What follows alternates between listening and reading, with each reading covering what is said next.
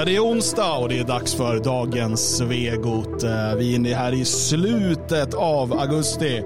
Det är bara liksom så här självande sista 30-35 timmar innan härliga september kommer. Så välkomna in i chatten. Vi drar igång om ungefär två och en halv minut. Eh, vi har Sven och Woki Baboa, Eva-Marie, 2011 Fredrik.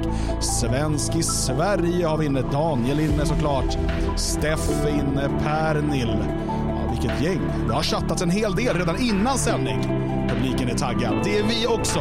Så häng kvar så kör vi alldeles, alldeles strax igång.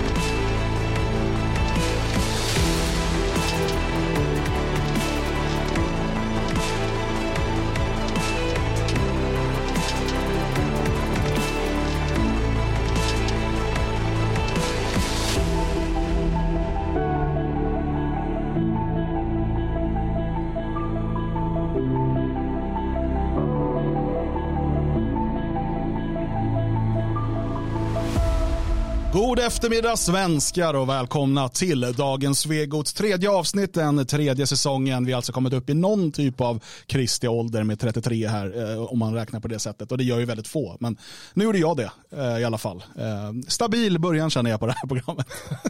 ja, nej men 33 är ju viktigt. Det är ju den det års... Alltså, det, är... det är högsta rangen i DFS va? Ja, också. Alltså både det och den skotska riten. DFS-riten och skotska riten.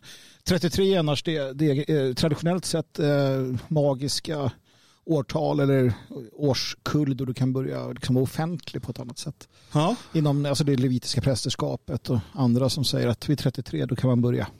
Så att det är naturligt att vi har det som högsta, eh, i alla fall halvhemlig. Mm, I vår halvhemliga organisation. Eh, Jalle Horn, hur hemlig är du idag? Hur hemlig? Ja. Jag är förbannat hemlig ska jag tala om för dig. Ja Alltså, är så hemlig att jag jag kan inte avslöja mer. Nej, det tycker jag är rimligt. Ja. Eh, du ska ju lite senare idag läsa en dikt för oss. Ja, uh, idag har vi premiär för segmentet Veckans dikt. Aha. Vilket var ett av de mest efterfrågade segmenten. Mm -hmm. Efter, um, jag ska säga, din succé här under året. När vi har läst dikter inför nationaldagen och sådär. Uh, så att veckans dikt kommer idag. Det gör den. imorgon kommer veckans dickpick. det, är, det, är på ditt, det är på Dan Eriksson. Det är min mest efterfrågade ditt eget nyhetsbrev. Jag försöker mest nu skaka bort de här. Vi fick en, vi fick en negativ kommentar som har upptagit hela min förmiddag om att vi skojar för mycket. Ja, så vi ville vara seriösa från början. Jag vet ja. inte om det gick särskilt bra eller talat. Jag försökte köpa en bok, samma bok som Jalle ska läsa ur mm. samtidigt för jag, blev, jag fick feeling. Men jag fixar det sen. Ja, det tycker jag också att du gör sen. Det låter som en mycket rimlig prioritering. Sen. Idag så är vårt huvudämne eh, en person som heter Barakat. Bara katt. Alltså. Barakat Gebre Havariat. Det är inte ett skämt, han heter så. ehm, och vi ska berätta mer om honom. Ehm, det kanske får växa fram här under tiden som vi lyssnar på hans framträdande i Morgonstudion, som det tydligen heter numera när eh, SVT sänder på morgonen. Bara katt, har du fått din hattkatt? Jag tänkte att jag skulle beatboxa lite kring det här. Nej, det tycker jag inte du ska göra. Ehm, och eh, Han har ju då kommit ut med en bok som heter Får man säga svart? Mm. Eh, och det är det eh, det här programmet heter också. Och det är väl det vi ska ta reda på genom att lyssna på inslaget ifrån Sveriges Television. Vi ska prata om hudfärg och varför nyansen på våra kroppar kan vara viktig att prata om. Kan vi bara börja med det? Nyansen på våra kroppar. Det är liksom en nyans utav, ja men det är som man säger i Afrika, fyra nyanser av brunt. Ja, jag var, okej. Ja, det, här är ju, ja, det blir ju bara värre efter det här. Ja det blir det. Dels är det olika nyanser av brunt som dyker upp i studierna. För om jag går till mig själv så vet jag att det kan vara svårt för min omgivning att sätta ord på hur jag ser ut. Nej, det är det inte. Jag kan göra det. Du har krulligt hår, du är svart, eh, Nej, lätt det är hon, inte. mörkbrun. hon är inte svart. Du började alltså direkt Hon är och inte ses. svart. Jo, men hon, är, hon skulle ju klassificeras som svart i en, eh, Hon är ju brun. i en rasdiskussion. Så är hon ju Det finns ingen svart negroid. ras. Liksom. Hon är negroid. Vågar jag hävda. Är Obama svart? Oh ja. Han är lika mycket svart som han är vit. Nej, det, där skiljer ju svarta och vita sig åt. De accepterar ju det, det där. Ja, men det är det här som är problemet när man säger svart. Han är brun. Ja, men du, du, du, ja, men här ser vi hur viktigt det är med den här boken som har kommit ut. Som Bara katt, har du hatt? Eh, Är du mulatt? är hon mulatt? Eh, Jag vet ju vad jag tycker, men frågan är, får man säga svart? Precis så heter den här boken som är skriven av eh, statsvetaren, föreläsaren och nu också författaren Barakat Gebrehariat. Varmt välkommen till Morgonstudion. Tack så hemskt mycket. Ja, men vi kan väl börja med att be dig besvara den här frågan. Får man säga svart? Alltså, om man vill ha svar på den frågan så får man såklart köpa boken. Ja, bra! Det var ett skämt. Skämt åsido, eh, den principiella hållningen i boken och käpphästen är att det finns situationer och sammanhang där vi måste adressera hudfärg för att kunna synliggöra förekomsten av hudfärgsbaserad diskriminering. Att använda det som ett antirasistiskt verktyg. Så det är Jag, grundidén. jag tycker ändå att vi kan frysa där. Dels för att det är lite roligt att han har den här gråa. Jag har läst om det i Svenska Dagbladet. Eh, Det är på grund av stressen av all rasism han har utsatts för. Ja, man bara, ja, ja. jag ser att du har ju lite grått här. Det där? Jag har ju inget hår, Nej. ni förstår. Nej, men det jag vill säga är att det är intressant för att man tar avstamp direkt i vad det här kommer att handla om. Allting handlar om hur synd det är Ja. Om då eh, svarta eller bruna eller färgade människor i eh, vita samhällen, vita kontexter. Och att vi kan använda det här ordet, eh, men bara, bara märk väl, om det är för att just eh, uppskatta, förstå eller så, hur synd det är om de här människorna. Annars så ska vi nog icke göra detta. Eh, Jag, eh, jag ska säga att det har ett annat syfte och det är faktiskt att han ljög där. Mm, det vad? alltså, det, det är inte syftet utan han ljög när han sa att man får köpa boken. Nej, jag skämtade bara. När han sa jag skämtar bara, då ljög han. Mm. För målet är att tjäna pengar. Det står, framgår tydligen i en artikel från, från kulturdepartementet, de har intervjuat honom, där han hela tiden säger att det måste till lagar som tvingar företag och skolor och allting att eh, hålla på med sån här verksamhet eh, och anställa honom som konsult. Han säger till och med han, eh, lagen om, upp, om upphandlingsavtal, det, där ska man angripa så att han tjänar pengar. För några år sedan så var ju han och Ivar Arpi i en clash när han, han var ute och skrev en debattartikel tillsammans med någon kvinna som jag inte minns namnet på eh, om att eh, rasifierade, som man ibland kallar de där människorna då tydligen, eh, de utnyttjas som gratis arbetskraft i, i media. Eh, och det var då baserat på att UR hade ringt och ville ha en intervju med honom. Och han skulle inte få betalt för det. Och då skrev Ivar Arpi, det är ganska vanligt för oss opinionsbildare att vi ställer upp på intervjuer utan att få betalt. Oavsett vilken hudfärg vi har. Men i Bara Katts värld så var det ju, eh, det är ju för att jag är den var, hudnyanserad eller vad den hette. som, som, eh, eh, som, jag, som jag inte ska få betalt. Men ska du ha betalt för att ställa han får, han får ju betalt för att sitta där nu säkert. Ja. Eller om han är där, han promotar sin bok nu i och för sig så han kanske ser det som reklam på det sättet. Precis, jag tror att det är viktigt bara att komma ihåg det här nu. För vissa kanske undrar varför tar vi ens upp det här? Alltså det är public service, det är två eh, färgade då, svarta som pratar om en jävla meningslös... Och det, det är ju mycket för att det här är aktivism. Det här är inte bara... Hade, hade det bara varit något så här... Ja men Hübinette hade jag knappt orkat med. Va? Men, men det är så pass aktivistiskt och hans historia talar ju för detta. Hans extremt eh, vänster. Vi kommer titta mer på Precis, det för att han är ju, precis. det är inte vilken statsvetare som helst Nej, det här. nej, nej. Eh, utan en, ut, alltså en, en aktivistisk svenskfientlig eh, person med nära kopplingar till eh, Muslimska brödraskapet bland annat. Eh, vi lyssnar vidare. Men var det ett ja eller var det ett nej? Får man säga så? Ja, det är ett ja. När du behöver säga det så är det i regel ett begrepp som fungerar bra. Men jag ska tidigt braska med att säga att det finns inga vattentäta termer. Och vi ska inte heller söka efter någon millimeter precision. Utan vi får jobba med de här begreppen och utgå ifrån att de är mer eller mindre bra. Eh, Och laga efter läge. Så man får ha liksom lite span och, eh, eh, och ha tentaklerna ute. Men eh, ja, grundidén så, svart kan fungera. Men Jag tycker att kan man bara stanna där? Och bara rekapitulera. Kan man säga ja och nej, kanske och ibland, ja oftast, men med begränsningar. Fast om det behövs så absolut, köp boken. Var det rätt eller? Ja, det var exakt så jag förstod det också. Jag, eh, jag, jag måste ju dra den här gamla klyschan, den tycker jag alltid är så jäkla rolig. Ni vet hur folk sa för, så här, vågade säga för fortfarande 15-20 år sedan. Alltså, ja men det är klart man får säga neger. Alltså man får inte säga nigger för det är jävla... Ja, men, men, men neger är ju okej att säga. Jag tycker vore, vad, vad skönt det vore om någon bara sa där, nej man får inte säga svart, eh, men det är bara neger man får säga. vore inte det en skön Ja, vändning? skönt. Ja. Det är ju en bättre beskrivning egentligen, just för att svart är ju en så Ja. definitiv färg. Ja. ja, precis. Ja. Men, men ja, Men skälet till att jag skämtar om det, det är förstås att det, är bara löjeväckande alltihop. Det är intetsägande. Och hans mål är att alla ska gå och snacka om något helt och intetsägande. Men se för fan Jag skulle inte säga att det är ett mål. Det är ett verktyg i att eh, förstöra Sverige. Ja, I att avsvenska. Sverige, att islamisera Sverige. Vi kommer som sagt kolla lite på hans tidigare engagemang eh, för att förstå vad det här är för människa.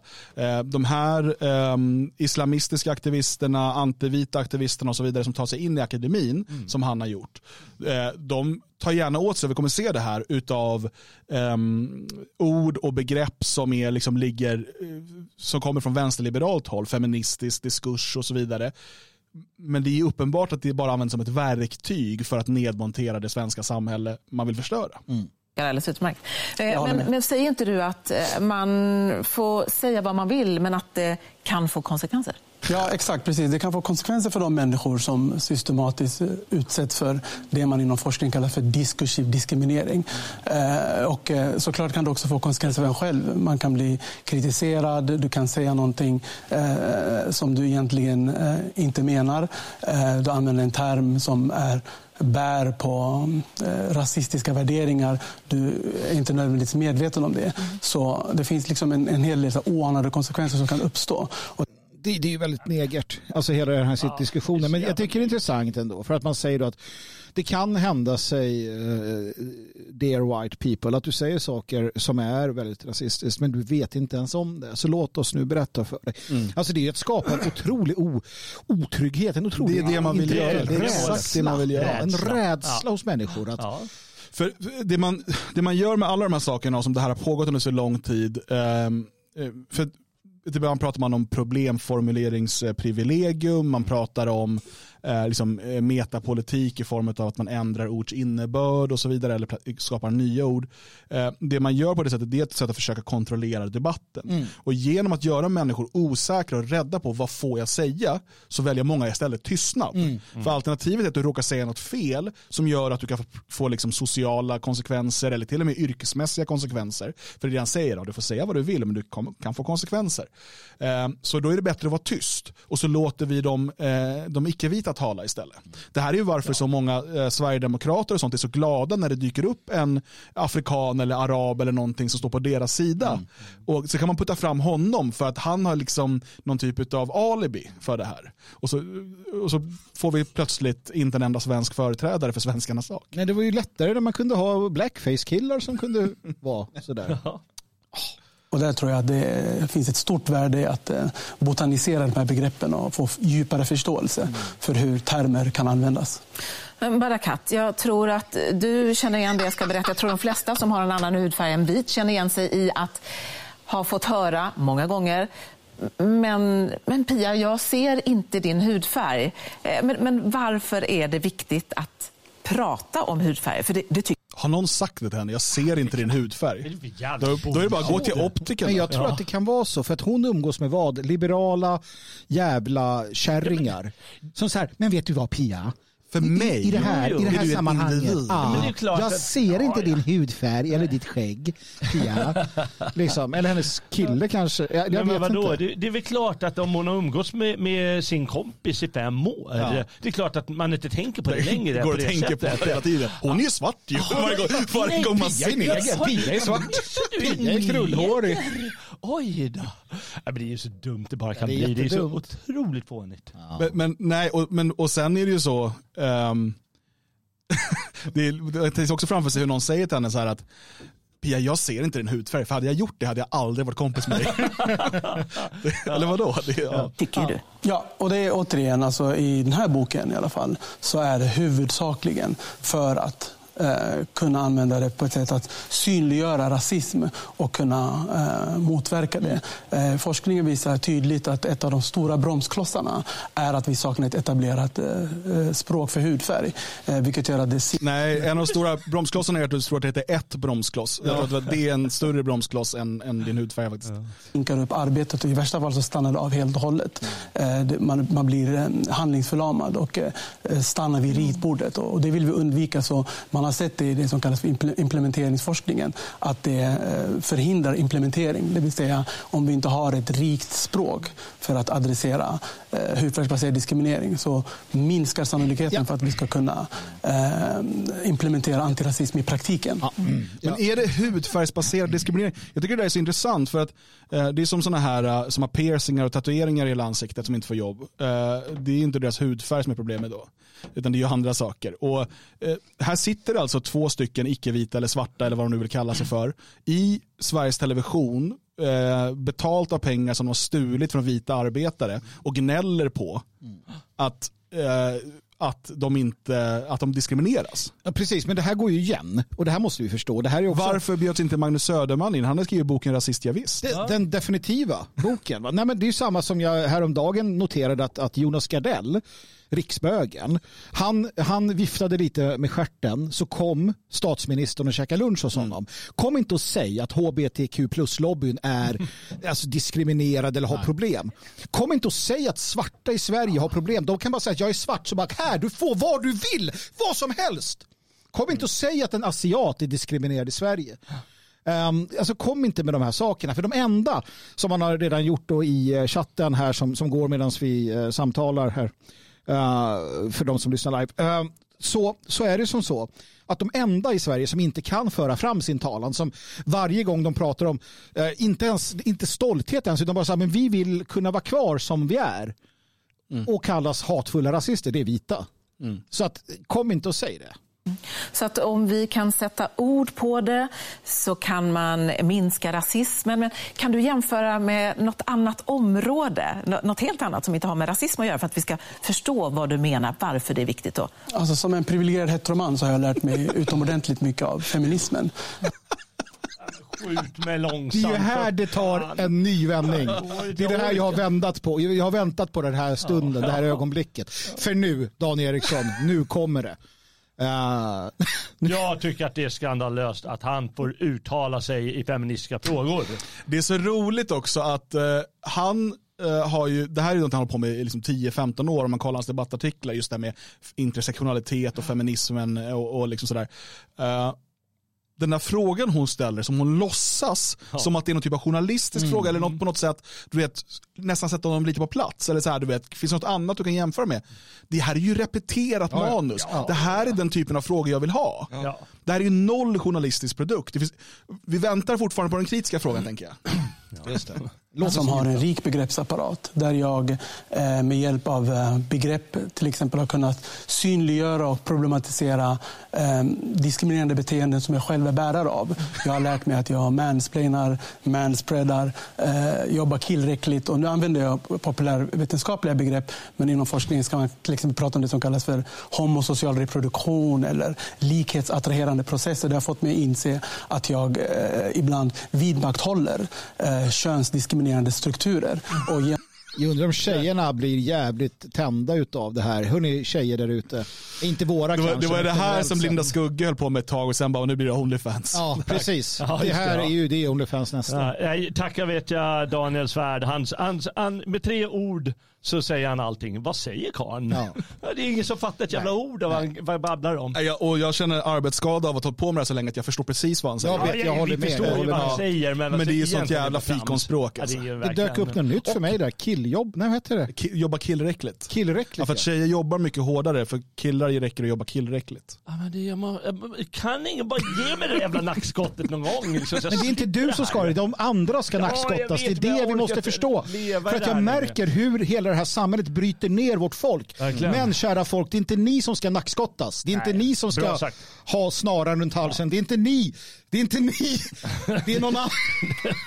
Genom att få en, en rik begreppsapparat så har jag också kunnat förstå hur jag kan vara med och vidmakthålla sexism eller eh, utmana det. Eh, så det har hjälpt mig väldigt mycket att, att tänka så. När, jag har haft perioder i mitt liv då jag har betraktat mig själv som könsblind. Jag har tänkt att jag ser inte kön, jag ser bara kompetens. Men eh, tack vare eh, feministisk teori och feministiska förklaringsmodeller så har jag också lärt mig att utmana de här invanda tankarna. Ja, för du säger här att eh, med boken så vill du hjälpa läsaren att gå från teoretisk ångest till terminologisk trygghet. Och det kan man säga att du har fått då inom eh, jämställdhet till exempel. Ja. Teoretisk ångest till Det är ju terminologisk som den här hon, afghanen där som hävdade att uh, de, de alla är döda. Vad var han sa? Vi är döda inombords. Du menar de döda som åker över Medelhavet? Nej, det var ju Det var. Stefan Löfven som sa. Tack jag vet till Hans Scheike. Det var smisk och så var det klart. För i helvete, tillbaka till grunderna mina vänner. Men ni vet ju inte vad...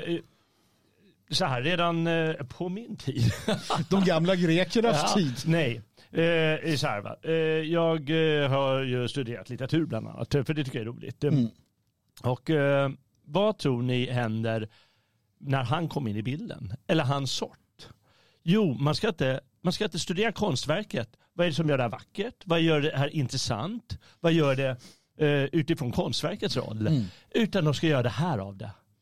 Hur kul tror du det är att hålla på med, med konsthistoria eller litteratur eller historia eller något jävla humanistiskt ämne när det är den här bilden som hela tiden ska stå i fokus. Det är döden, man dödar allting med det här. Allt Jo, men ska sen- mördas. Jag bara säga, Måste eh, vi- Stefan skriver i chatten här, ingen kommer att köpa den skitboken. Mm, jo, eh, alltså det de ska veta är att eh, Bara Katt är oerhört bokad föreläsare för dina skattepengar. Ja. Han föreläser i skolor, för kommuner, för myndigheter. Han drar in storpengar på att åka runt och säga de här transsakerna och du tvingas betala för det. Du tvingas ge bort mer än hälften av det du arbetar in med fan blod, svett och tårar för att sådana som Bara Katt ska gå runt och kunna säga sådana dumheter eh, och liksom eh, hjärntvätta alla kärringar som sitter på myndigheter och tycker att det här är, jätte, det här är jättesmart, det här ska jag implementera i livet. Men förstå också, precis som att man i läroplanen för förskolan och grundskolan har en, en skrivelse där det står att man måste lära barnen att förstå och uppskatta fördelarna med mångkulturen. För det är inte självklart. Han pratar hela tiden om att vi måste ha en begreppsbild, en, en vidare begreppsbild för att kunna förklara det här. Ja, för att rasbiologi av gammalt snitt, det var inget svårt att förklara. Det gjordes med vetenskaplig Men det kommer vetenskapligt här snart. Men det här är inte kommer, de behöver ludd, de prata behöver biologisk boasinsk- vetenskap här snart. De behöver boasinsk jävla galimatias och kökkenmödding för att få någonting sagt. Och inom eh, funktionsrättsrörelsen också har jag lärt mig. Det. Det är intersektionaliteten. Eh, kommer ni ihåg eh, vår vän som var engagerad i eh, Funktionsrättsrörelsen. funktionsrättsrörelsen? Mm, absolut. Eh, som, han var själv hade en CP-störning, CP-skada. Han var ju nationalist och CP, han gav ju upp. Ja, CP-nationalist som vi kallar honom. CP-nationalist. Och, nej, och han sa det är omöjligt att vara med för det är, allt, det är så här, alltså i hela den rörelsen, så det här narrativet, här intersektionaliteten, Ja. de ska vara feminister och antirasister och så vidare. Du kan inte vara engagerad för liksom bättre rullstolsramper eh, till stadshuset. Nej. Nej. För att då måste du också ta ställning för trans, eh, trans eh, rättigheter för barn. Ja, men, och det, det är ju det de har lyckats med någonstans. Det är samma det här, ja, nej, fortsätt. Eh, biologiskt så finns bara en människoras. Vi är alla Homo sapiens, det vet vi allihopa. Eh, men i, i Sverige är det liksom... eh, De får in allt. Inom jämställdhet till exempel. Biologiskt. Och inom finns- eh, funktionsrättsrörelsen också har jag lärt mig. Det. Eh, biologiskt så finns bara en människoras. Vi är alla Homo sapiens, det vet vi allihopa. Eh, men i, i Sverige Det är det här som är journalistik, va? Sitta och hålla med varandra och fnissa. Ja. ja, men det, det är så... Ja, okej, Jävla jag, jag ska inte gå loss på... Hon, jag tycker inte hon behöver ställa kritiska frågor utan de vill väl bara belysa vad, vad boken handlar om. Jag tycker hon ska ställa kritiska Jag tycker frågor. också Jo, att men vad det- public ju- service som jag, jag betalar för ska är det det förhålla här sig liksom kultur, Eller- nej, kulturnyheterna? Nej, det är inte här kultur. Nej, men, det är Morgonstudion heter det va? Ja. Eh, Men nej, okej. Gör så här, men bjud också in någon som tycker tvärtom. Eller som tycker annorlunda nästa gång. Väg upp det. Ha Magnus Söderman i nästa segment. Ja, Jag kommer- överhuvudtaget nyansera det. Ja, men det är det här, alltså, säga ibland det, men det är så jäkla viktigt det här verkligen. Är det inte lite bara självklart? Det är ju trivialiteter givetvis, allting de säger. Varenda, så, och därför måste man ha de här töntiga mongo-orden hela tiden. Ja, ja, låt dem fortsätta då. Ja, nej, men det, det blir ju det. Och, och som sagt, alltså, det, det här... Det är tur att de Den har här- så här text under senaste 13-åriga Björn-Ole i alla fall. För då så står det något in i intressant röret. i den där jäkla inslaget. Nej, men just att de kommer undan med det här att det finns bara en människoras, vilket inte applicerar bort på något annat, utan det är ju bara människor. I Ja, övrigt så finns ja. det ju massor med raser och det är jävligt viktigt. Och sen bara, det vet vi ju alla. Ja, Och bara, vi alla. Så var det slut på den diskussionen. Ja, Han kommer ju fortsätta här och förklara lite till. En är det liksom eh, nästan bannlyst och rasistiskt att prata om ras. Det gör vi inte. Men om vi jämför med USA och Storbritannien så gör de ju verkligen det. Vilka är dina tankar kring det här? Ur, ursäkta bara. Sa de nyss att det bara finns en ras? Ja, men det kommer. att det är okej att det prata om kommer, olika det kommer, raser? Det kommer. Ah, ja, Vänta lite. Men Vänta jag lite. skulle ju hävda, jag tycker att det där, när folk jämför med, för mig är det där bara en språklig skillnad. Eh, I Sverige pratar vi om etnicitet eller, eller liksom etniskt ursprung. Ja. Jag ska börja med att säga att det här är ett belastat begrepp och vi ska närma oss det med stor försiktighet. Och I boken så har jag ett utforskande perspektiv. Och Jag menar inte att vi nödvändigtvis måste använda rasbegreppet, men vi måste förstå hur det opererar på samhällsnivå. Så när jag pratar om ras så menar jag ras som social konstruktion. Som Alltså, alltså, det finns inga raser. Nej. Det är det här du måste förstå. Det finns inga raser. Eller det finns bara en ras. Men det finns en projicering. Och det är ju det här den boasinska skolan kommer in. För att Frans Boas hävdar att den här mannen du ser med svart hy, allt det här texturen på det, det handlar inte om genetik. Det handlar om eh, miljö. Det handlar om hur han har växt upp. Det menar Ja, redan, redan i livmodern. Redan i så livmodern utsätts så, han. Men- så men bestäms det. För det finns inte genetiska skillnader. Det, är, det är det som ligger till grund för hela den här idén. Men varför pratar de om vithetsnormer då? Ja, men det är, allting är ju att de vita, så kallade vita, har börjat med att hävda sig själv vara vita. Vilket vi inte var. Det läste vi för Jaha, vi var år förut eller vadå? Ja, men det finns ju en, det finns ju en tidningsartikel från SvD för ett par år sedan där de konstaterade att vita svenskar fanns inte på Nej, just det, just det. Det har jag också 1800-talet. Eh, Och vi har då projicerat att vi är vita och då har vi sagt sen att de är svarta. De är egentligen inte svarta, fast de är ju också svarta. Och det är ju det här det handlar om. De är bara socialt svarta. Precis. Vi har projicerat med vår vita blick någonting på dem. För att vi är egentligen inte vita och de är inte svarta och det finns inga raser. Men ändå finns det raser i en rasifierad kontext. Och det, det, det här är ju det gungfly de vill ha ut oss på. För att börjar man acceptera det här, ja då finns ju ingenting att luta. Alltså det, det, är ju bara, det är bara avgrunden nästan. det används inom samhällsvetenskapen. Inte Det vill- biologiskt. Inte biologiskt, utan att, vi, att det har social betydelse. Det vill säga Men här är också, och det är inte biologiskt. ehm, jag tror inte att de är så mycket boasianer eller boasiner som du hävdar. Nej. Utan de vet ju att till exempel färgen på din hud eh, är genetiskt, att den är ärftlig och så vidare. Texturen på håret. Ja, och så vidare. Och det finns massa både fysiska, både, både yttre och, och inre saker. Och, och, så här. och det finns, vi kan prata om sånt i evigheter. Men bara att hävda att det inte är biologiskt, för det blir ju väldigt konstigt här. Ja, men om, för att exakt vad som skiljer en ras från en annan är inte heller ett helt definierat begrepp. Det är ju inte till exempel som att man inte kan få fertil avkomma tillsammans. Nej, nej, Då är man olika arter. Nej, precis. Vi är inte Ehm, åsnor. Nej men, nej, och, men, nej, men alltså, och, så att det finns inte, utan om det är så att vi har biologisk skillnad, och det, om det bara vore hudfärgen, det är inte det, men vi låtsas. Det bara är hudfärgen och den är genetisk, du ärver den av dina föräldrar. Eh, och vi sedan kallar det för olika raser, ja då finns det ju olika raser biologiskt. Per definition. Sen behöver inte det nödvändigtvis betyda att en är bättre än den andra eller att en har rätt att, att dominera den andra. Det är en helt annan diskussion. Men att, nej de finns inte. Jo, men jo det är ju en biologisk skillnad, uppenbarligen. Eftersom att du ärver, om du bara ser till hudfärgen. Sen, okej, okay, ska det ha någon betydelse? Ja det är en annan diskussion. Men, det, men, att hävda att det inte finns. Men, men, den där diskussionen, eller det, det, du säger, det tystas alltid ner. Och det står alltid att raslära eller rasism eller någonting som har med ras att göra, som då ska vara någonting där man studerar raser säger vi. Det är att eh, en person anser att eh, det, hans ras är bättre än den andra och vill härska över dem och förtrycka dem. Det står alltid, alltid, alltid och aldrig det du säger det tystas ner. Mm. Nej, och ändå är det som sagt det mest, alltså rasismen om vi ska kalla det för det, Ja, eller snarare någon, någon form av rasig, raslig medvetenhet. Den är ju programmerad i människan. Eh, och det har man ju konstaterat, alltså det har ju forskare konstaterat, att själva idén om att du är försiktig mot främlingar, framförallt främlingar som ser annorlunda ut, det är, mm. det är en del av vår överlevnadsinstinkt. Och det är därför man måste bredda språket. För att naturligt, naturligt så är du rasist, om mm. vi nu använder det begreppet. Va? Så att eh, nej, det, det är skrämmande den här uh, okunskapen och ohederligheten. Att vi tillskriver hudfärg social mening, vilket i sin tur resulterar i diskriminering för människor som bryter mot vithetsnormen och privilegiering för människor som tillhör vithetsnorm eller är white passing. Jävla as. White passing. Jävla as. Privilegiering, privilegier. Ja visst, absolut. Uh, privilegiet att, att inte bli inbjuden till morgonsoffan. Privilegiet att bli, bli liksom misshandlad och mördad i en krans. Att bli hånad, att få sin, som de sitter här och tar vår identitet ifrån oss. Det är privilegiet. Privilegiet är att en sån som han kan sitta där och kasta skit på, en, på, på majoritetsbefolkningen i Sverige. Den där jäveln borde ju släpas ut. Det finns hur många eh, jobbannons som helst eh, de senaste 20-30 åren där man eh, explicit söker efter icke-vita människor ja. till jobbet. Mm. Eh, till exempel polisens stora reklamkampanjer i tunnelbanan i Stockholm mm. där man skriver att vi söker dig som eh, är av annan etnisk härkomst och så vidare. Mm.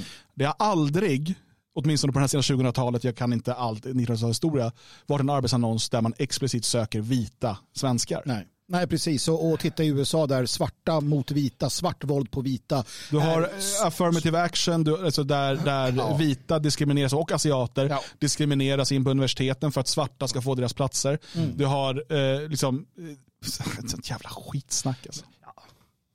Men kan du det är för att problematisera ja. maktstrukturer kopplade till hudfärg på samma sätt som vi pratar om kön och makt. Kan du ta något konkret exempel där du jämför Sverige? Eh, eller, där du berättar hur man använder den här termen då, ras i USA eller i, mm. i, i Storbritannien? Eh, om du vill till exempel problematisera att eh, det saknas representation på arbetsplatsen så kanske du går in och säger att eh, vår ledningsgrupp utgörs av en bastant vithetsnorm. Var är alla svarta eller afrosvenska chefer?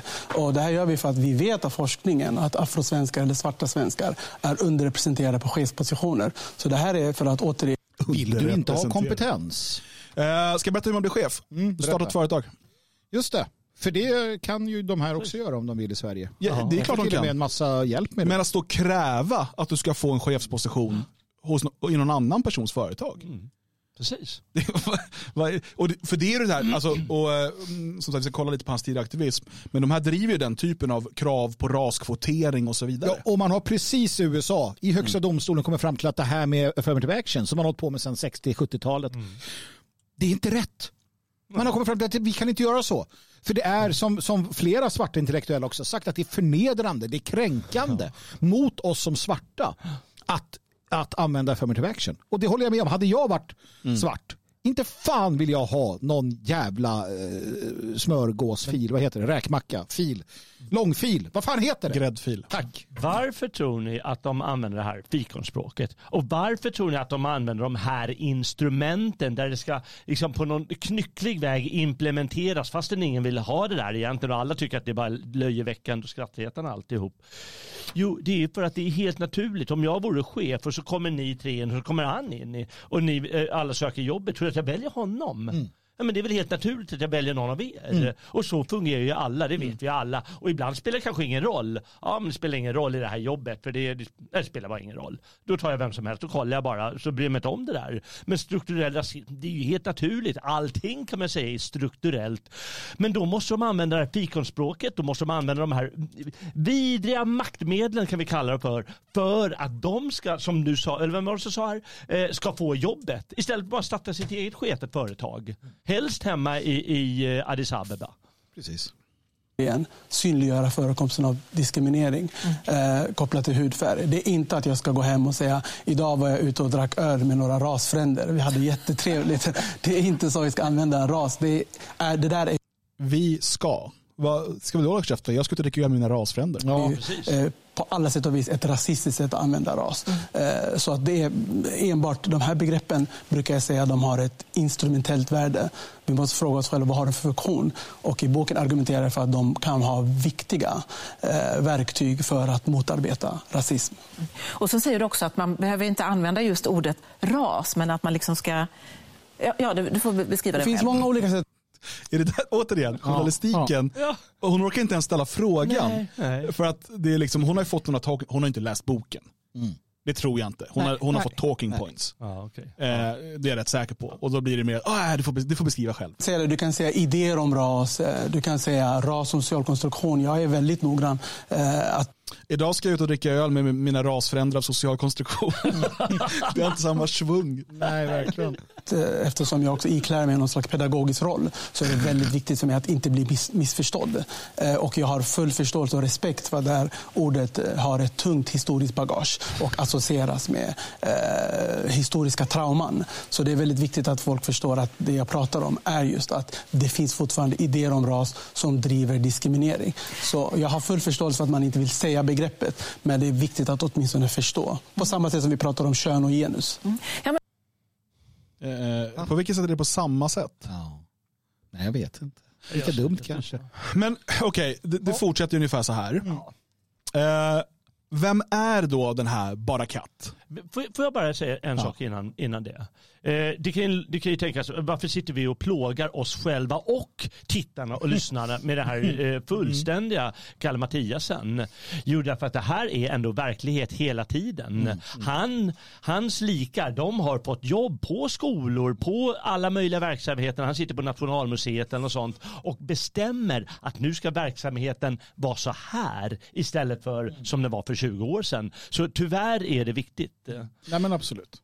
Precis, och, och återigen som jag sa där, han är ju runt och föreläser för myndigheter och skolor och sånt hela tiden. Han är ju välbokad för detta. Och att man lyfter upp honom i public service på det här sättet, det här okritiska sättet som jag fortfarande tycker är fel, eh, det gör man ju av en anledning. Det är inte så att man hade tagit, det var liksom en tombola, så bara, nu tar vi någon ny bok som har kommit ut. Utan det är ju för att man vill driva en, eh, en, en, en politik, en, en, förändring av samhället. Eh, och man tycker att det han säger har någon typ av bäring. Och du nämnde med Nationalmuseum, när Alice Bah Kuhnke, den, den eh, tidigare rasaktivisten och eh, då var hon Nej, kulturminister, ja, och rasaktivist. Eh, hon tillsatte ju då Barakat, ja, vad nu heter, eh, till medlem av Nationalmuseums insynsråd. Ehm, och så han ska då um, liksom se hur, hur man kan förändra Nationalmuseum så att det inte reproducerar vithetsnormen och sådär. För det kan inte ha något med Sveriges nationalmuseum att göra. Nej, det? Nej, Och, och, och betänk då att man liksom hävdar att nej, det här är inte ett politiskt projekt. Nej, det, det här med mångkultur och folkutbyte, det finns, inget, det, finns ingen liksom, det finns ingen idé bakom det. Det är sånt som händer. Det är bara naturliga fluktuationer i världshistorien. Eh, Ändå så tillsätts han då som någon form av sån där eh, inflytelserik människa. Så att, nej, det är ju rent... Alltså det är väldigt viktigt att titta närmare på det. Det är väldigt viktigt att ni som, som lyssnar också delar det här ehm, och ser till att gilla och allt sånt där så att det här kommer ut. För att vart hör ni det? Ni hör inte på Riks. Garanterat så kommer inte Riks prata om det här. Garanterat är det väldigt få eh, alternativmediekanaler som, som vågar ta i det här ämnet på det sättet. För ras är så väldigt, väldigt tabubelagt för de flesta. Inte för mig, jag har skrivit boken Rasist, ja, visst. Eh, kan med fördel inhandlas från logik.se. Vi ska passa på i direktsändningen också och bara ta upp eh, några superchats som har kommit in här eh, med donationer. Och först har vi fått en fin gåva här från Mikael Pettersson på 200 kronor och skriver Vad gör vi åt hönsens rävfobi? Mm. Ja, men vi ska se om det är hönan eller ägget som ligger bakom det här först av allt. Och det, det är en rimlig inställning här för att den här fobin eller eh, vad ska man säga, försiktigheten inför främlingar mm. har svenskarna inte bara biologiskt nedärvt utan också fått lära sig genom mm. eh, socialisering. Mm. Eh, och då menar jag inte från liksom staten utan genom de, de upplevelser man har. Mm. Eh, så är det nog rimligt att till exempel byta eh, sida på gatan om det kommer ett invandrargäng gående eh, mot dig på kvällen. Och han, han har ju erkänt i någon artikel jag läst att han, han suttit på ett möte ja. med vita människor. Han darrade som ett mm. asplöv. Ja. Han var så livrädd. Vitofobi. Ja, men, vitofobi. men jag sa åt honom att inte gå på klanens årsmöte.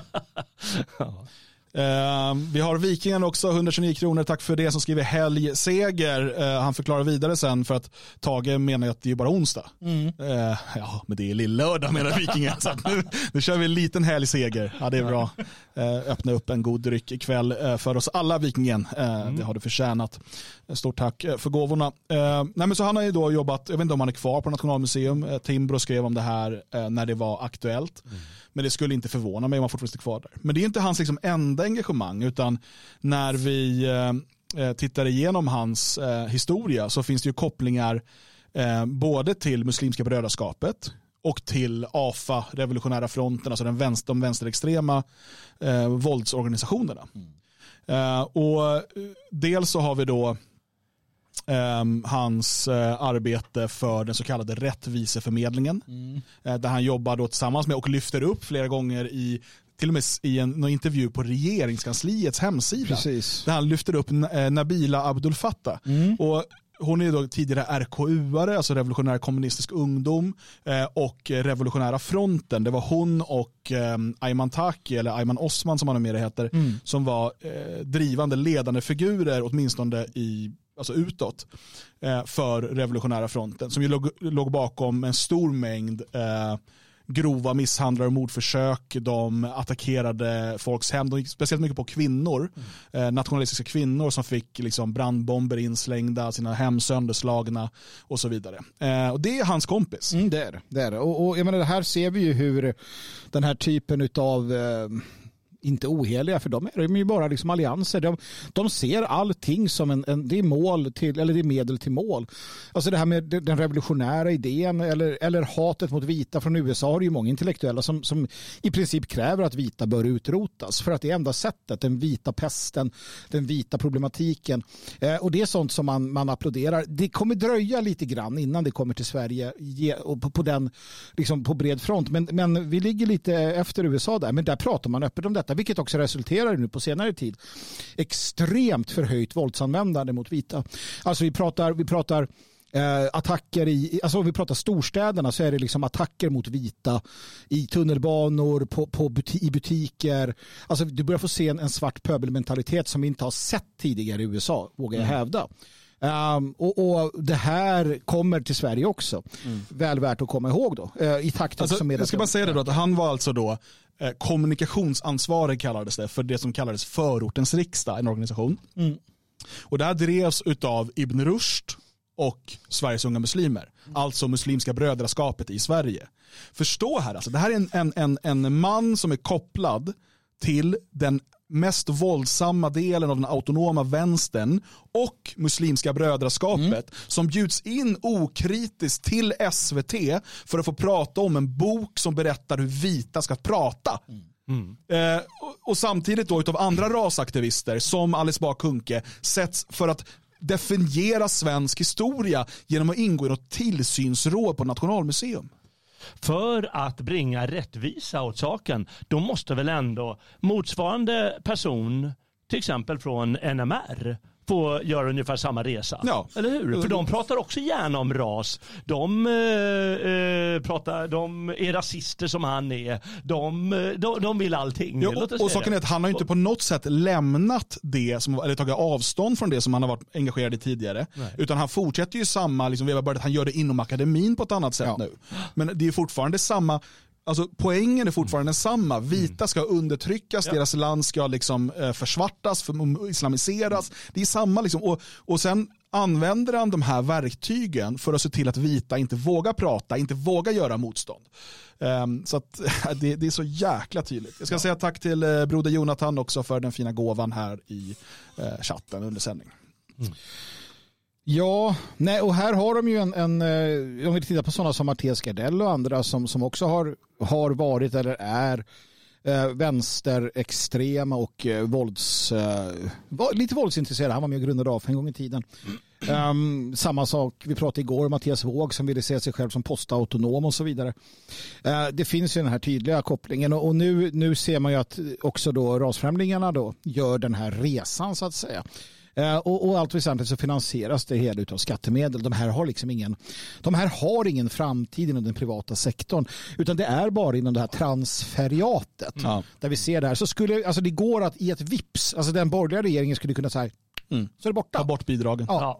Men för att det är det de, det är det de lever på. Och den här boken kommer ju köpas in i vartenda bibliotek, varenda skola, varenda, varenda liksom fir, företag som har Ja, men det blir en del av den här ESG eller EGS eller vad precis någon heter. kanon där de Ja. har. Ja. Mm. Eh, Så är det. Och eh, som eh, Timbro tar upp här då, eh, han skriver, de skriver så här, i ljusets fiender eh, åter Johan Lundberg ett möte på Café Pan-Afrika, organiserat av Afrosvenskarnas riksförbund där Gerebereverat har varit kommunikatör. Han har alltså varit även där då.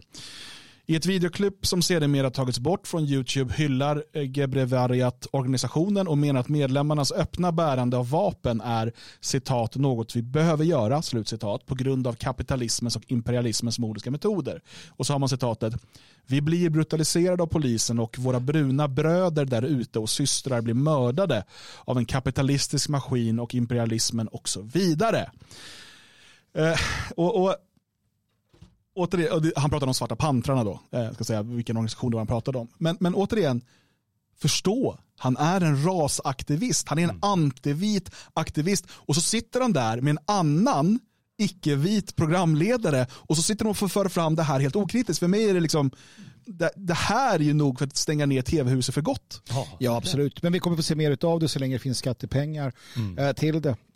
Så att eh, det här är ju bara att vänja sig. Och som, eh, som ehm, eh, Karl eh, Hanke här tar upp i, i eh, den chatt som rullar medan vi sänder live ehm, så är ju det eh, någonting, för det spiller över. Det spiller över i våld. Och nu ser vi, och det här tror jag kanske inte folk har tänkt på riktigt, men nu ser vi, vi hade en stor invandring från, Mö, eh, från Möna-regionen, som och Nordafrika. Nu börjar det komma också Subsahara i större delar. Storbritannien har haft det, USA har definitivt haft en svart befolkning. Men när de här människorna kommer från Subsahara, det är en helt annan typ. Om ni trodde att araber liksom var något att anpassa sig till och försöka förstå, så är det här något helt annat. Titta på Melille och, och, och liknande ställen där man stormar eh, gränserna. Eh, och när de här lever i våra samhällen så kommer vi få se på någonting helt annat. Och framförallt så, så, eh, så kommer storstäderna ganska snabbt att falla. Eh, för att allting handlar om demografi. Och det är som så att man kan kalla Sverige Sverige hur mycket man vill. Men om, om svenskarna trängs tillbaka så kommer vi få se någonting hända. Vilket vi har kunnat se i Stockholm med degenereringen av innerstaden.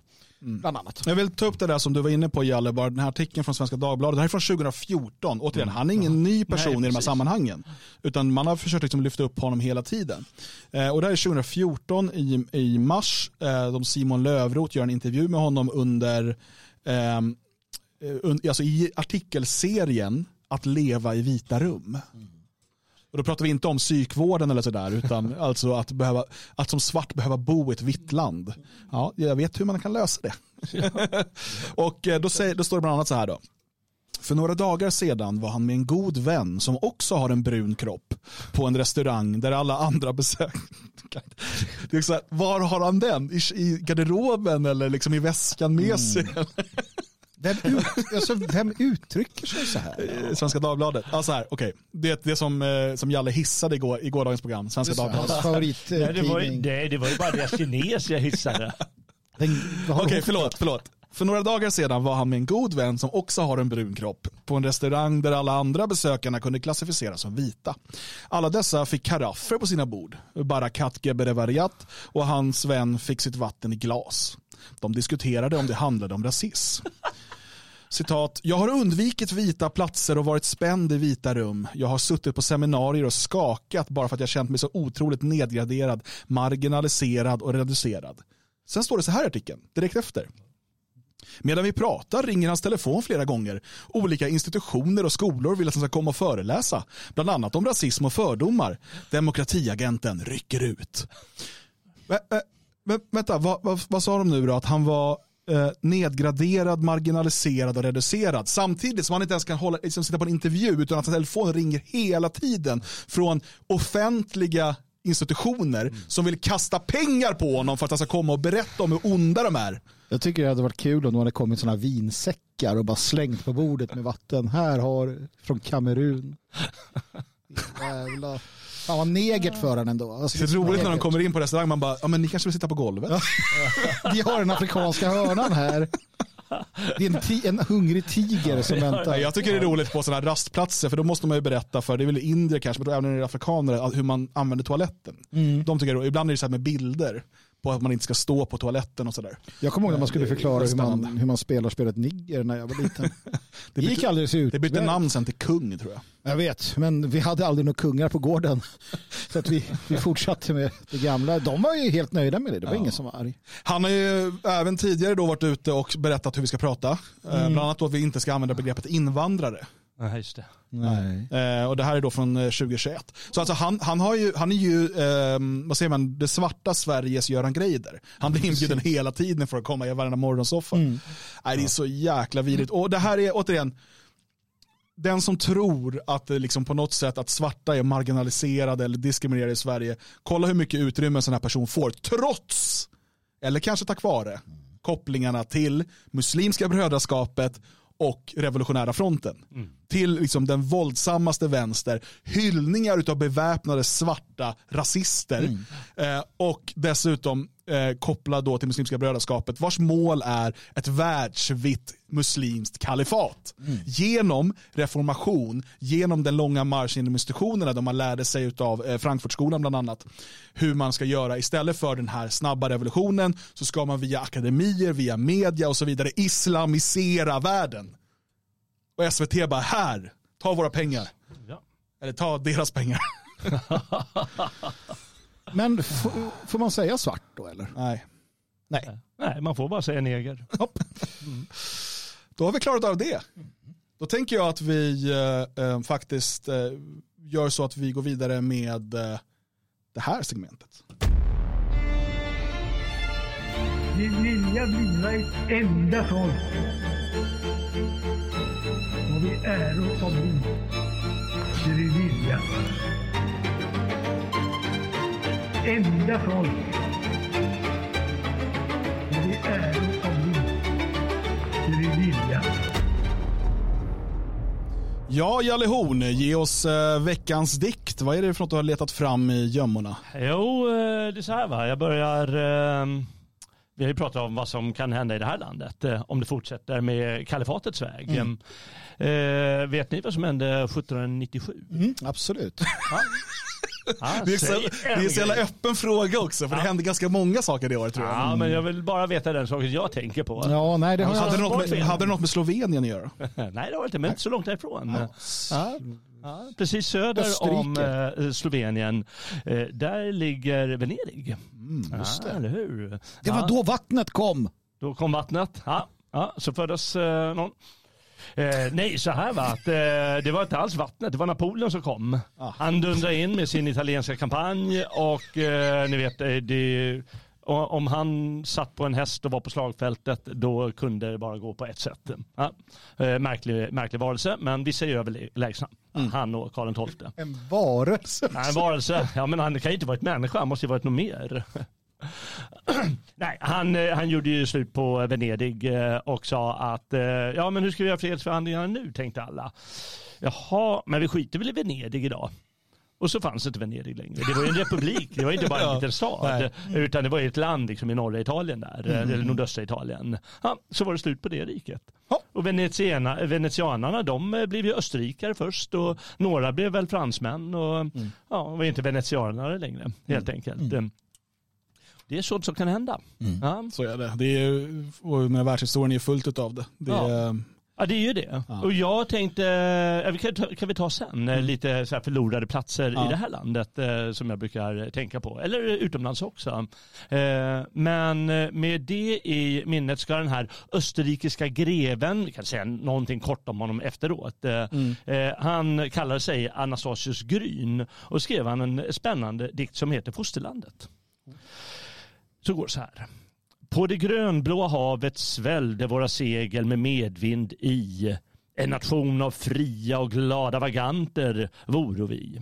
Ett miniatyrfolk som vinden har pustat ihop idag men imorgon totalt förskingrar med samma flinka tag. En fransman var med i skaran. Den grönskande stranden av vrån gyllene tegar, vinrankornas kullar var det hemland han kom ifrån. En annan prisade Norden. Mm. Dess mäktiga klippevall och skandinaviska göklar och sjöar av kristall. Vesuvius eviga eldfyr som brann som ett himmelshögt bloss och lagens blommande ängder en tredje berömde för oss. Till alper och gröna lider, till ekar den tyska skog och kärnfriska Donaubygder min hembygdslängtan drog. Så länge, så leve vår hembygd, leve, tag alla ett glas i hand. Alla har inte en hjärtevän, men väl ett fosterland. När vägaren tömdes, ett glödande sken över ljusnande anleten gick. En enda såg bort mot havet, sluten, med stirrande blick. Han kom från Venedig. Han talte för sig själv som stod han allen. O fosterland, o hembygd, du är bara vatten och sten. Av frihetens sol beskärdes liv, röst åt den stumma sten. Han klang som Memnonstoden tonar i gryningssken. Och en purpurne gördel vattnet böljande brand kring en värld och lyste i regnbågsbroar på sin svindlande himmelsfärd. Du ske, sköna sken från solen, säg varför släcktes du? O, varför är min hembygd blott sten och vatten nu? Han tystnade. Blicken dröjde orörlig vid havets rand. Det pärlande vinet blänkte i ett breddfullt glas i hans hand. Han hällde det ut i havet åt döden som offerskänk. Som ett regn av glimmande tårar spreds i vinden ett gyllene stänk. det är fint igen. Mannen utan fosterland. Det är, ehm, jag gillade det där också, den biten, alla har inte en hjärtevän, men alla har ett foster. Alltså det där är viktigt och det är den, eh, inte villkorslösa, men det är en, en typ av evig relation och kärlek som, som du alltid kan hålla liksom vid liv om du vill. Ja, du har alltid, du har alltid det. Eh, Det är därför man vill ta det ifrån oss. Eh, Man hatar oss, man vill ta bort eh, all identitet, all koppling till blod, till jord. Därvid lag faller också äran om detta två andra faller, för då blir vi bara svin. Eller värre än svin. Eh, Och ja, ja, det är ju så här som du tar upp där då, eh, platser som inte längre finns. Ett, ett som jag alltid återkommer till, och det, det återkommer jag till också i, i resonemang kring det här med den libertarianska idén om de här små självstyrande staterna. Så det är ditmarsken i, i norra Tyskland, Holstein. Eh, bonderepubliken som under hundratals år höll sig fria från de, de, de eh, förstedömen som fanns kring dem. Men till sist så faller de naturligtvis för att du kan inte när stormakterna, de stora hertigdömena, de stora pengastarka delarna, danskarna i det här fallet, holsteinarna, när de samlar sina krafter och ger sig på ditmarsken så faller de. Um, för det går inte att upprätthålla detta. Och det är den tiden man börjar bygga de här eh, protonationalstaterna och börjar komma framåt. Och vi ser hur Sverige samlas och sådär.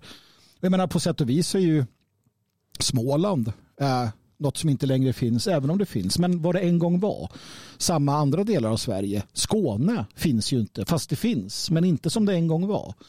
Så att det förändras ju allting också naturligtvis. Eh, men det här är det som väntar. Och det blir ett ödeland jag, tänk, jag tänker ofta i, i termer av så här, ja, spännande personer från historien eller litteraturen eller något sånt. Eh, eh innan det, kommer ni ihåg Dubrovnik? Mm. 92 eller något sånt. Uh, då sprängdes en bro där. Ja. Och då minsann, det här är förstås bara någon spel för gallerierna. Det var inte därför det hände. Men då skulle minsann eh, västvärlden gå in i kriget för då förstörde man något fint. Mm. Ja? Okej, låt oss säga att det verkligen var så. Men vad hände på, låt oss säga, Samos?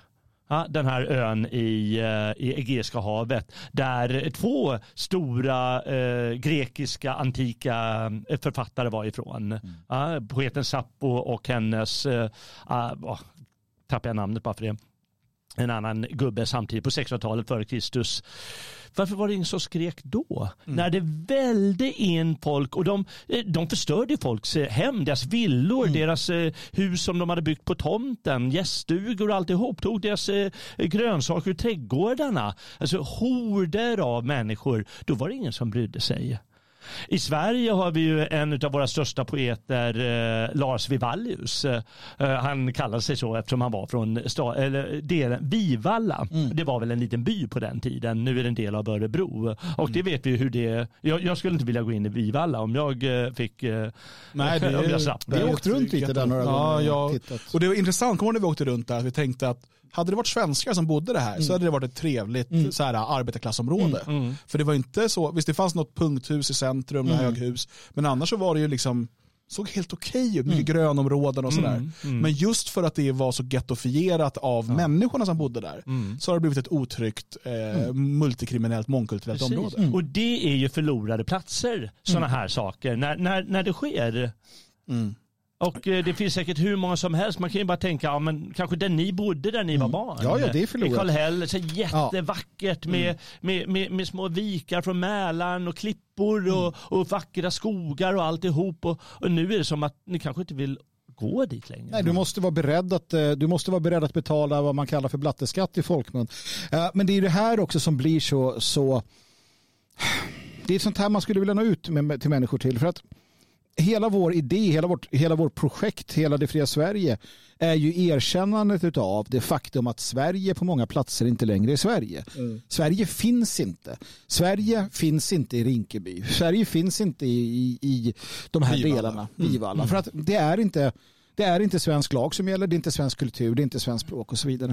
Eh, och det är också därför, och, och, och, då blir människor ledsna och det förstår jag. Men enda sättet, för det här är historiens vingslag, Enda sättet är att försvara sig, enda sättet är att, att se till att befästa sig, enda sättet är att ha sina platser där man kan hävda sig. Mm. Och vill man inte ha det så kommer man bli under någons järnhäl. Och det kan vara svenska staten, det kan vara ett lokalt kriminellt gäng, det kan vara imamen eh, och hans moské. Det kommer hända för du hamnar alltid där. Mm. Det finns ju en aspekt till och där blir det intressant med den här, eh, eh han som bara gillar katt eh, förut idag. Mm. Eh, du pratar om det fysiska, mm. det är alltså rent verkliga delen eh, där man, aha, jag har blivit fråntagen någonting. Men tänk med det språket och det tankesättet som han vill mm. erövra mm. svenskarna när de blir snörpta. Mm. Så då har man ju heller inget fosterland. För de här killarna de skålar, åh jag har ju mitt underbara fosterland, mm. de stolta där. Mm. Va? Är det några som är stolta över fosterlandet Sverige idag? Nej, för de är så jävla snörpta. Mm. Eftersom de har tvingats på det år efter år efter år. Och det är en annan aspekt av det, den mentala aspekten. Mm. Vi ska tänka som det. där bara katt Äh, istället. När du sa innan här förlorade platser och så, eh, så kom jag att tänka på något som har blivit personligt eh, på ett sätt eh, tack vare eh, min frus släkt och det är Ostpreussen. Eh, och det är också ett område som hur många svenskar ens vet någonting eftersom att modern 1900-talshistoria är den börjar typ 1945, eller 1933 kanske. och sen 1945 kommer liksom räddningen och sådär. Men Ostpreussen då, eh, som ju åtminstone på hur man ser det, sedan 1200-talet har varit tyskt. Königsberg eh, grundades i mitten på 1200-talet. Eh, I början på 1900-talet så var det över 80% tyskar som bodde där. Eh, Det var eh, alltså andelen eh, polacker, alltså i hela Ostpreussen, andelen polacker eh, och eller katoliker var försvinnande. Det fanns eh, där, men det var, det var på alla sätt och vis tyskt. Hela den, eh, alla de städerna som ligger där fortfarande, som till exempel det som nu heter Kaliningrad och Königsberg, eh, eller eh, Danzig, eh, som då, alltså alla de här preussiska och sen då östpreussiska eh, delarna är byggt av tyskar. Eh, Och det är alltså ett land som inte bara tog sig från dem utan de människor som bodde där mördades och eller fördrevs. Eh, från länder, från, från, från, från gårdar där de har bott alltså i hundratals år. Och det kallades då för en befrielse. Eh, och att de här skulle vara tacksamma för det. Jag har ju då alltså så ingift släkt så att säga som, som fördrevs därifrån. Ehm, och det är alltså en plats som har varit så självklart tysk, eller en plats i en hel, ett helt område, alltså en region, eh, ett land som har varit självklart tysk i 800 år minst. Som plötsligt inte finns längre. Nej. Nej. Och eh, när efter eh, murens fall, eh, när eh, en del ville åka och besöka de här områdena, och jag vet många finnar som har gjort liknande upptäckter i Karelen, eh, sina gamla släktgårdar, finns inte kvar. Nej. De är nedbrända eller förstörda eller bortskövlade eller så. Eh, gårdar som har stått i hundratals år innan. Ehm, äldre människor som fortfarande minnen från sin barndom på de här gårdarna åker tillbaka och ser att allt är, allt är borta. Eh, för det har främmande folk tagit över och förstört. Ja. Och, och, jag menar, det är historia nu. Jag tror inte, jag tror inte att det är någon bra idé att liksom argumentera för att återskapa Ostpreussen och typ förflytta polacker och ryssar och sådär. Det är inte det jag säger. Det är historia nu, men vi måste ha med oss att det där kan ske. Eller så här, det sker hela tiden. Ja. Och, och om vi inte förstår det så förstår vi inte heller allvaret i alltså det, den strävan som, som vi arbetar efter, alltså ett, ett, en trygg svensk framtid, det är inte bara någon, någon teori på ett papper eller någon hobby vi håller på med, utan det är med vetskapen om att städer, länder, gårdar som en gång har tillhört ett folk eller en familj under lång, lång tid, när som helst kan tas ifrån dem om de inte lyckas försvara det. Det är ju eh, tråkigt då att Fredrik här har redan sett framtiden och kommit fram till att det inte ens lönt att samlas och skapa de här svenska zonerna för att då kommer man göra som USA och bara slå ner på dem. Och jag vet att det finns många som har den totala uppgivenheten för framtiden. Att man till och med känner att nej, det är ingen idé att svenskar ens samlas och utgör en fysisk och, och verklig kraft. Att vi har hundratals eh, svenskar som man gör i Orania till exempel, Sydafrika. Men du har fel. Eh, det är klart att det kan hända. Det kan hända vad som helst. Men det är fortfarande så att om hundratals svenska nationalister samlas i ett begränsat geografiskt område så är det långt mycket bättre för alla som bor där än att inte göra det. Vad som än händer så är det bättre att vara med sina egna. Vad som än sker, hur det än blir, så är det bättre än att sitta som en ensam ö i en stor stad och bara eh, tvingas acceptera den här mångkulturella och, och utvecklingen som sker. Eh, jag går hellre då under här i Elkarås eller där vi kommer etablera andra svenskarnas hus och svenska zoner tillsammans med de kamraterna än att sitta i någon form av existens i 15 minuters städerna tills jag dör av ålderdom. Eh, så att det är mitt vägval. Vi gör alla våra vägval. Jag välkomnar de som vill göra det med mig och de som inte vill det, håll er borta. Ehm, um, Hörrni, imorgon eh, är absolut sista dagen att boka sig till fria ord om man vill ha rabatterat pris. Eh, så att in nu på detfriasverige.se och klicka på den här länken eh, högst upp, den här bannern för fria ord. Eh, det kommer bli en riktigt, riktigt kul tillställning med sex otroligt intressanta talare och debattörer eh, som kommer dels tala och dels eh, kommer vi ha paneldiskussioner och det kommer hända en del saker däremellan. Och framförallt så kommer vi ha möjlighet här att ses i Svenskarnas hus, umgås och ha en intressant och trevlig eh, kväll tillsammans. Eh, så att eh, in och boka omgående helt enkelt. Vi är tillbaka imorgon. Det är vi absolut. Nytt, 14.00. Ja, och då har vi ett nytt eh, inslag också. Just det, imorgon har vi ett nytt inslag. Eh, Fredrik, du ska nog lyssna. Ja, just det. Det gör du. Tack för idag. Vi hörs imorgon.